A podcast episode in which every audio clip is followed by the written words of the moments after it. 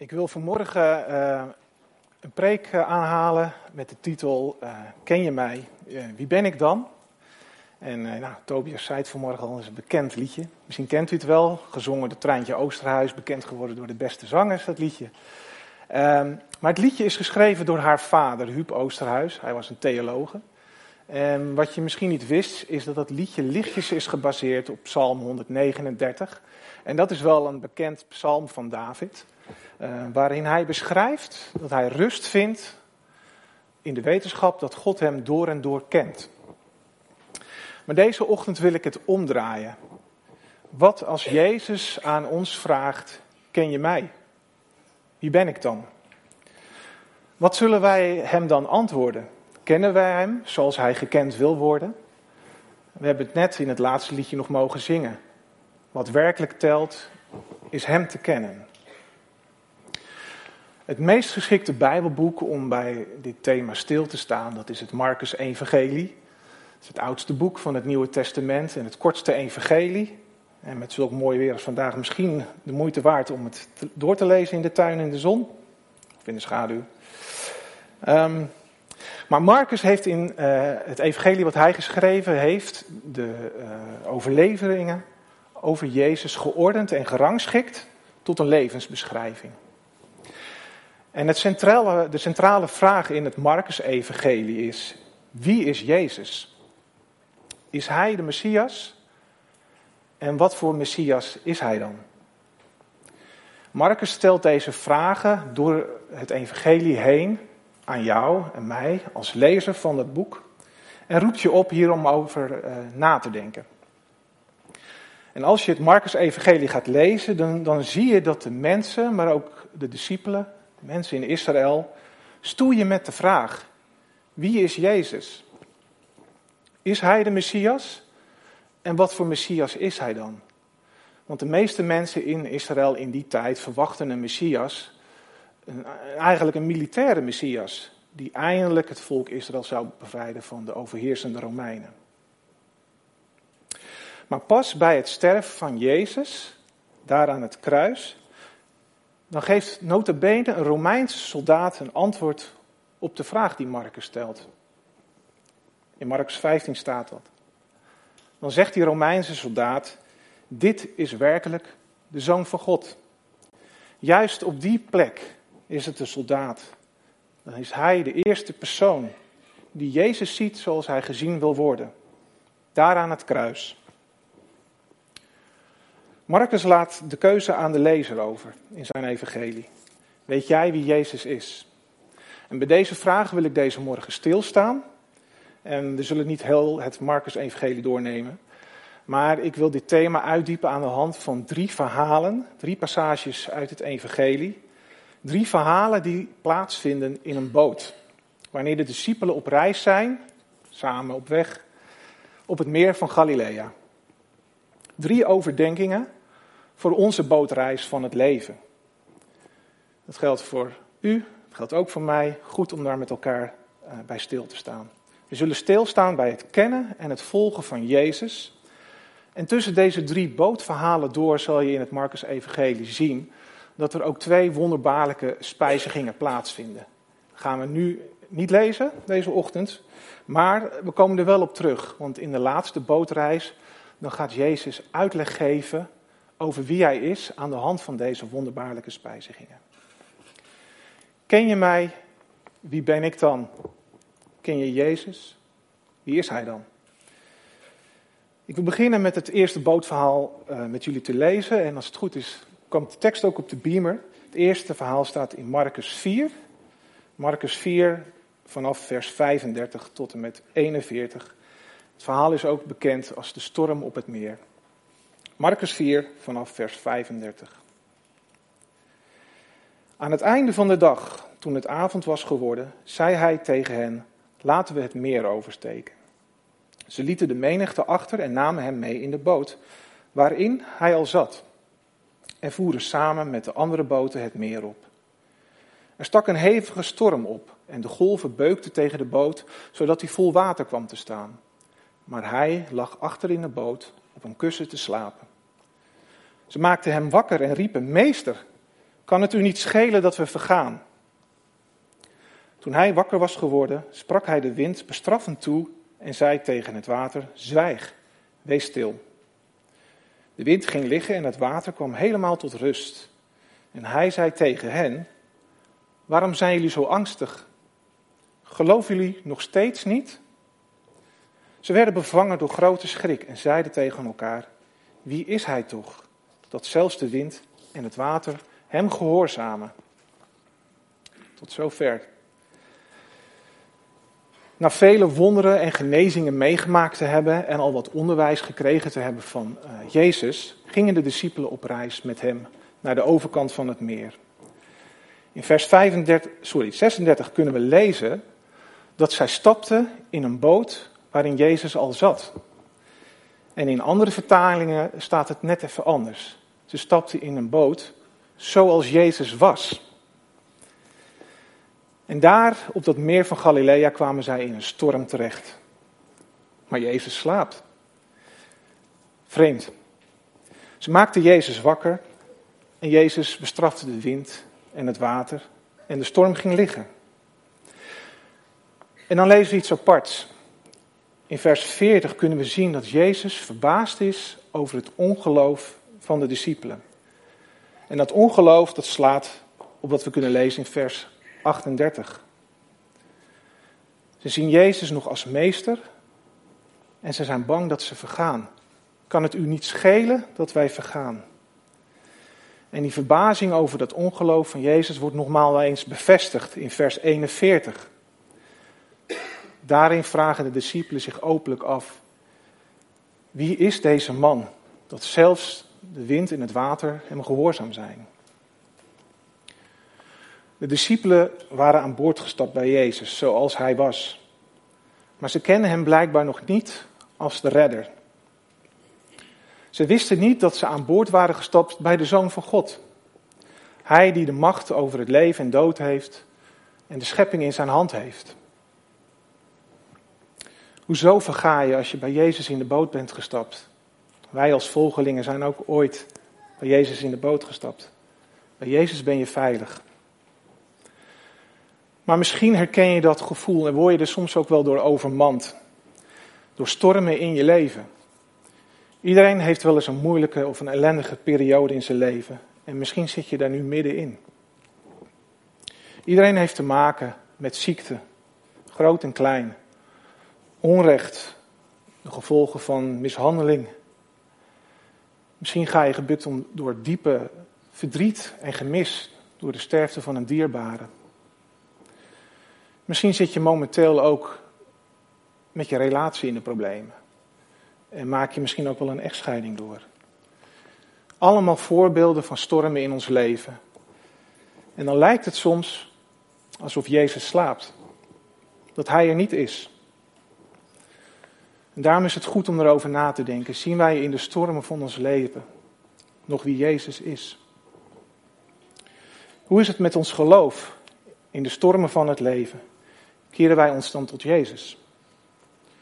Houden wij dan nog steeds de macht van Jezus voor ogen? Zien wij Hem als redder of alleen als meester, zoals de discipelen in dit uh, Bijbelverhaal? En helaas heb ik vaak genoeg meegemaakt dat, dat christenen door ellende in hun leven uh, Jezus niet meer volgen. Ze zien Hem nog steeds als een meester waar je veel van kan leren, veel wijsheden van Hem kan leren, maar niet meer als zoon van God. Dat is verdrietig. Paulus zegt in Romeinen 8 dat niets ons kan scheiden van de liefde van God, die Hij ons bewezen heeft in Christus Jezus onze Heer. Geen enkele storm kan ons verwijderen van de liefde van Jezus. En misschien ken je dat tegeltjeswijsheid wel, waarin staat dat God je geen kalme reis belooft, maar wel een behouden aankomst. Het geloof in Jezus verzekert ons niet van een ellendevrij leven. Maar het verzekert ons van een eeuwig samen zijn met Hem. En dat samen zijn, dat is nu al begonnen. Dat is niet iets voor, voor later. Ook al lijkt het soms alsof Hij slaapt. Maar Hij heeft de dood overwonnen en Hij laat ons niet vergaan. Dit was de eerste bootreis en de eerste keer dat we ons konden afvragen of je weet wie Jezus is. Zie je hem als meester of als zoon van God? En weet je dat ook in de stormen van het leven? Zien wij dan nog op hem? En dan de tweede bootreis, die staat in Marcus 6. Je kunt het vast opzoeken, Marcus 6 vanaf vers 45. En deze tweede bootreis die vindt plaats direct na de eerste wonderbaarlijke spijziging.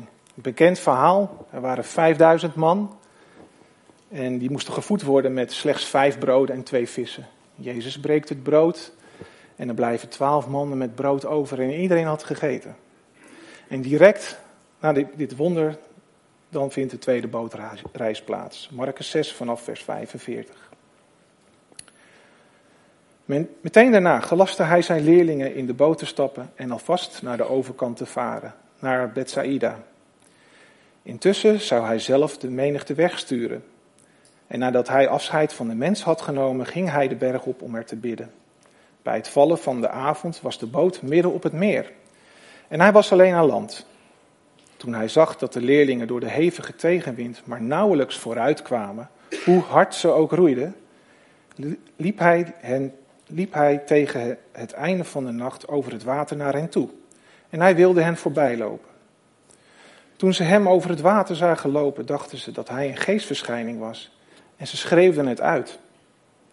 Ze hadden hem allemaal gezien en raakten in paniek. Maar hij sprak hen meteen aan en zei: Houd moed, ik ben het. Wees niet bang. Hij stapte bij hen in de boot en de wind ging liggen. Zijn leerlingen waren helemaal van hun stuk gebracht. Ze waren niet tot inzicht gekomen door wat er met de broden was gebeurd, doordat ze hardleers waren. De tweede bootreis lijkt een beetje op het eerste, maar het is toch anders. Deze tweede bootreis maakte de discipelen alleen. Jezus was deze keer niet aan boord. Ze waren op vaartocht zonder Jezus, maar ze hadden wel een opdracht en een doel gekregen. Ga naar de overkant van het meer, ga naar het plaatsje Bethsaida. En deze keer kwamen ze niet in een storm terecht, maar erg makkelijk hadden de discipelen het ook niet. Door de flinke tegenwind kwamen ze niet vooruit, hoe hard ze ook roeiden. Ze kwamen niet bij hun doel. Toen ik hierover nadacht dat de discipelen een opdracht hadden gekregen, dan kan je ook bij jezelf afvragen: hebben wij een doel gekregen als christen, als volgeling van Jezus? En ik moest gelijk denken aan ja, de bekendste kerkelijke opdracht, de uitspraak van Jezus in Matthäus 28. Daarin zegt Jezus: Ga dus op weg en maak alle volken tot mijn leerlingen. Dat is een opdracht die nog steeds voor ieder van ons geldt. Maar komen wij als volgelingen van Jezus wel ja, hieraan toe? Komen wij tot ons doel hierin? In hoeverre lukt ons dit? Worden wij soms ook niet tegengewerkt om ons doel te bereiken? Net zoals de tegenwind die de discipelen ervaren. De wind is iets aparts. Je kan het niet zien, maar je kan het wel voelen. En afgelopen weken hebben we ook wel weer in het nieuws gezien wat de wind kan doen. Dus het kan een sterke kracht zijn. In de Bijbel staat de wind vaak voor een geestelijke macht.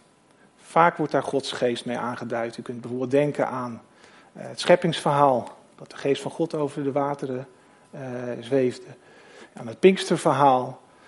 Maar in de context van dit verhaal hebben we niet te maken met Gods geest. We hebben te maken met geestelijke tegenstand. Je kan je doel niet bereiken, het doel wat je gekregen hebt van Jezus. En geestelijke strijd, misschien heeft u het wel eens ervaren, dat hoeft niet altijd per se iets occults te zijn. Het kan ook anders werken. Een bekende strategie van de tegenstander van God is om te dwarsbomen in het volgen van Jezus door onze tijd af te pakken. En dan is het goed om na te denken, hoe druk zijn wij in ons leven? Hoeveel tijd hebben wij nog om Jezus te volgen? Hoeveel tijd spenderen wij aan ons werk, aan onze carrière? Misschien wel aan sport, hobby's. En jawel, daar is die weer, ons tv, computer en telefoongebruik. Social media. Een hele dag kan zomaar volgeboekt zijn met dit soort zaken. En dan kan je afvragen, heb ik nog tijd voor God? Je hebt zelfs de kans dat je zo elke dag Jezus uit het oog verliest. En dat terwijl hij notabene langs zij loopt. Vaak zijn wij druk met de aardse dingen die vergankelijk zijn. En die kunnen tegenwerken als de wind. Maar Jezus staat letterlijk boven dit alles. Als hij over het water loopt en geen last lijkt te hebben van de wind. Hopelijk is jouw en mijn leven niet zo vol gepland, elke dag weer, dat we zelfs vervreemd raken van Jezus zoals gebeurde bij de discipelen. Zij herkenden notabene Jezus niet. Ze dachten dat hij een spook was. Denk er eens goed over na. Hoe vervreemd ben ik misschien geraakt van Jezus? Maar als dat zo is en je maakt het bekend bij Hem, dan gebruikt Jezus dezelfde woorden als die we in vers 50 konden lezen. Houd moed, ik ben het, wees niet bang. Laat Hem opnieuw, net zoals de discipelen, in jouw boot van het leven. Dan zal bij jou ook de storm gaan liggen. Want als we Jezus centraal stellen in ons leven, zullen we zien dat veel dingen onbelangrijk zijn. Als we Jezus centraal stellen in ons leven, zullen we zien dat veel dingen onbelangrijk zijn. Dan gaan we doelgerichter leven.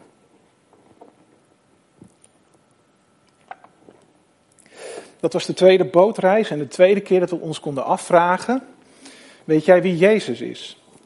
Ken jij Hem en volg je Hem? En, of ben je misschien te veel aan het zwoegen met het drukke leven zonder Hem? Maar voordat we naar het laatste en het derde bootverhaal gaan, uh, wil ik nog één vers aanhalen. Die lijkt toegevoegd te zijn door Marcus zelf in vers 52. Daarin beschrijft Marcus, omdat de discipelen hardleers waren geworden, zagen zij nog steeds niet in wie Jezus werkelijk was. Terwijl ze het hadden kunnen weten door te kijken naar de broden.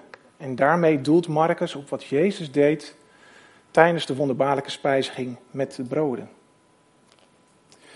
Het voorbijgaan aan een werk of een wonder van Jezus kan verhardend zijn voor je hart. Misschien heb je wel eens een wonder meegemaakt. Het is goed om eraan te blijven denken. En nog belangrijker, het ultieme werk van Jezus, wat Hij heeft gedaan, zijn offer en de verzoening. Hoe vaak gaan wij daar wel niet aan voorbij, iedere dag? En daarom is het ook zo mooi dat we deze ochtend uh, ja, het avondmaal weer mogen vieren. Maar als je voorbij gaat aan het wonder en het werk van de Heer Jezus, dan heeft dat een verhardende uitwerking op je geloofsleven. En dat is gelijk een inleiding tot de laatste passage die ik met jullie wil lezen. En die staat in Marcus 8.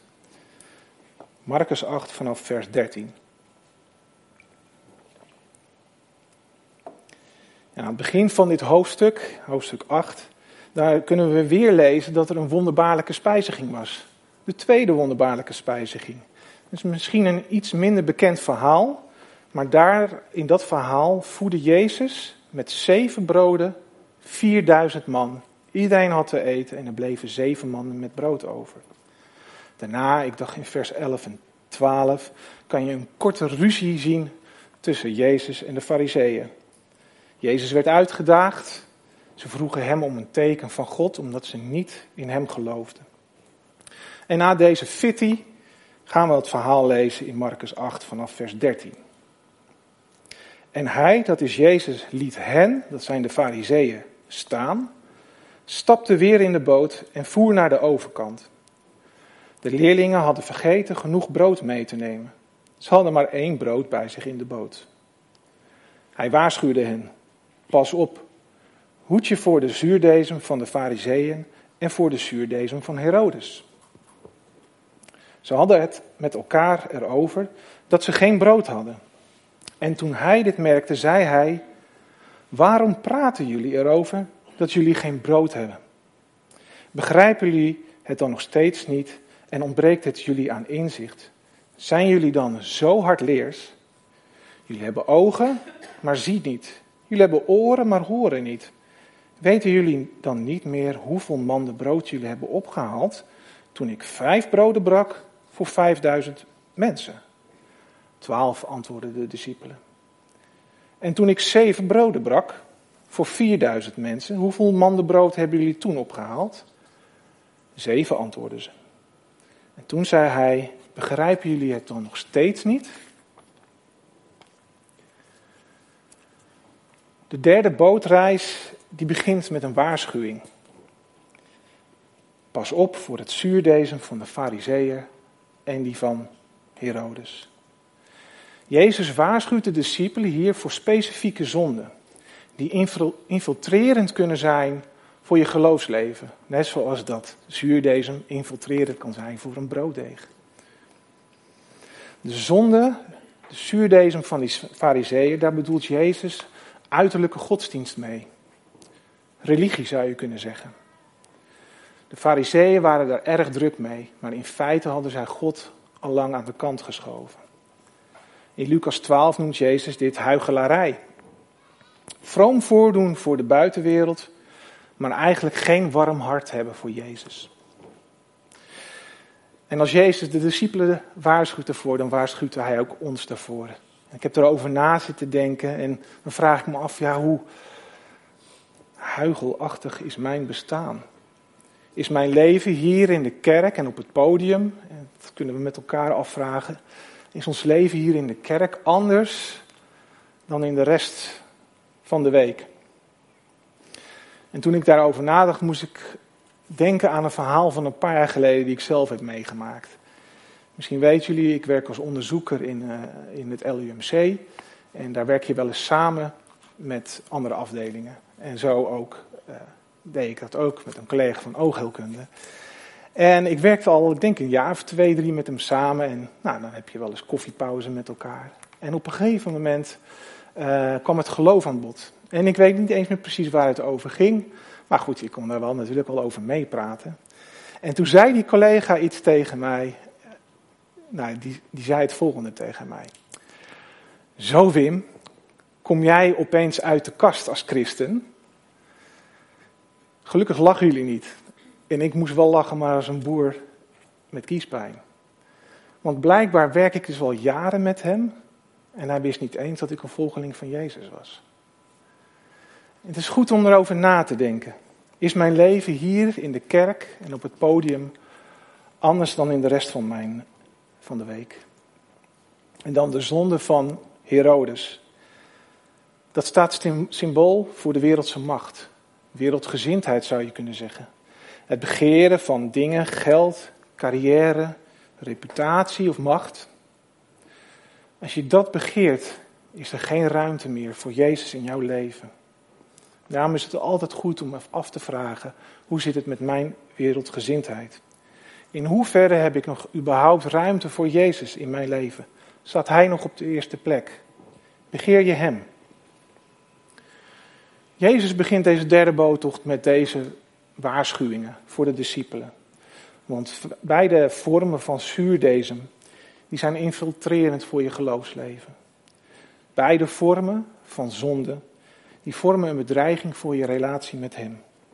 Beide manieren van leven staan geloofsgroei en het volgen van Hem in de weg. Jezus maakte hier zich zorgen over bij de discipelen, anders waarschuwde hij hen niet.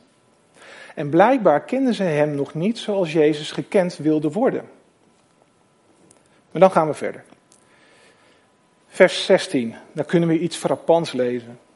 De discipelen maakten zich zorgen dat er niet genoeg brood was. Ze hadden maar één brood. En dat is toch wel heel frappant. Dan hebben ze niet één, maar ze hebben twee wonderbaarlijke spijzigingen meegemaakt. Ze hebben gezien wat Jezus kon doen als er te weinig brood was. En toch maakten ze zich zorgen dat ze maar één brood aan boord hadden. Maar Jezus is hier duidelijk geïrriteerd over. Dat kan je in vers 17 lezen. Hoezo heb je geen brood? Hoezo heb je geen brood in de boot? Ken je mij? Wie ben ik dan? En dan gaat Jezus uitleg geven. En dat probeert hij te doen aan de hand van de twee wonderbaarlijke spijzigingen. Hij gaat uitleggen wie hij is en dat doet hij vanaf vers 18. En de betekenis, die ligt deze keer echt in de getallen. Het heeft overduidelijk een symbolische waarde. Wat lijkt op een zinloze verdubbeling van brood, dat heeft eigenlijk een diepere betekenis. En het is opvallend, bij elke wonderbaarlijke spijziging, dan is er een overvloed aan brood. En dat is niet zomaar. Jezus vraagt expliciet naar de aantallen mannen die overbleven. Hoeveel mannen waren er over toen ik vijf broden brak voor vijfduizend man? Twaalf antwoordden de discipelen. En hoeveel mannen bleven er over toen ik zeven broden brak voor vierduizend man? Zeven antwoordden de discipelen. Wat wil Jezus hiermee zeggen? Om dat te begrijpen moeten we kijken naar de Joodse betekenis van getallen. Als we naar de eerste wonderbaarlijke spijziging gaan, dan zien we dat we beginnen met vijf broden. Het getal vijf, waar denkt een Jood aan bij het getal vijf? Nou, je kan bijvoorbeeld denken aan de Torah, de vijf boeken van Mozes. En wij als westelijke christenen die vinden de Torah misschien botweg gezegd wel, eh, of bestempelen we dat als een, eh, een geschiedenisboek, wetboeken. Maar een Jood ziet dat niet zo. Een Jood ziet de Torah als de openbaring van Gods heilige wil en heilzame wil met Israël en de wereld. Het getal 5 is ook een terugkerend getal, bijvoorbeeld in de tabernakel. Je ziet het terug in afmetingen of een veelvoud van 5 in de afmetingen. Of in de aantallen zuilen, voetstukken, etc. De tabernakel is de woonplaats van God onder de Israëlieten. En de plaats van herstel, voor een herstel, eh, plaats voor herstel, voor een relatie met Hem door middel van offers en genade. Het getal 5 slaat eigenlijk, kan je eigenlijk samenvatten als een verbinding en genade van God. Met Israël door zijn genade. De genade voor Israël. En die 5000, dat zijn dan de Joden. En die twaalf mannen, nou, dat zijn de twaalf stammen van Israël. Het hele volk Israël wil Jezus daarmee aanduiden. Jezus zegt eigenlijk, ik ben de zoon van God. De zoon van de genadige God van Israël. Ik ben de verwachte Messias. En dan die tweede wonderbaarlijke spijziging. Dan zagen we andere getallen. We beginnen met zeven broden en we eindigen met zeven manden met brood. En zeven kennen we allemaal wel als een volgetal. Denk bijvoorbeeld aan de schepping, zeven dagen in een week. Je kan bijvoorbeeld ook denken aan de menorah, de zevenarmige kandelaar die staat voor het licht van de, voor de hele wereld. Zeven zou je kunnen samenvatten als de volmaaktheid in Gods wegen en handelen. En dan die 4000 man, waar staat dat voor? In het eerste verhaal stond vijf, die 5000, dat waren de Joden. Vier in de Bijbel is het getal van de aarde. Denk bijvoorbeeld aan de vier windrichtingen, noord, zuid, oost en west. Die 4000, dat zijn de heidenen. De mensen uit alle windstreken van de aarde. De getallen 7 en 4 hebben dus duidelijk een veel wijdere betekenis. Wat Jezus eigenlijk wil zeggen is dat hij niet alleen de redder is van Israël, hij is de redder van de hele wereld. Dus als we teruggaan naar vers 17, als we lezen de irritatie bij Jezus. Hoezo heb je geen brood in, je, in de boot? Jezus zegt, ik zelf ben het levende brood. De zoon van God was geboren in Bethlehem, wat letterlijk broodhuis betekent. Een huis vol met brood, genoeg voor iedereen. En zoals Jezus zichzelf deelde aan het kruis. En zoals Jezus eerder overvloedig deelde bij de wonderbaarlijke spijziging, zo deelt hij ook bij het avondmaal. Tot slot, in Johannes 6 zegt Jezus het volgende. Ik ben het levende brood dat uit de hemel is neergedaald. Wanneer iemand dit brood eet, zal hij eeuwig leven.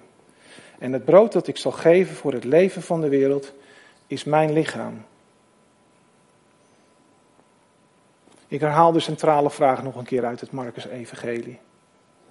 Weet jij wie Jezus is? Volg je hem? Ken je mij? Wie ben ik dan? Ken jij Jezus? Wie is Hij dan? Ik hoop dat we straks bij het avondmaal kunnen beamen wat de Romeinse soldaat zei bij het sterven van Jezus. Dit is werkelijk de Zoon van God. Ik wil graag met jullie bidden. Heer Jezus, we willen u danken dat we u mogen kennen als Zoon van God en als redder van de wereld en van ons ieder persoonlijk.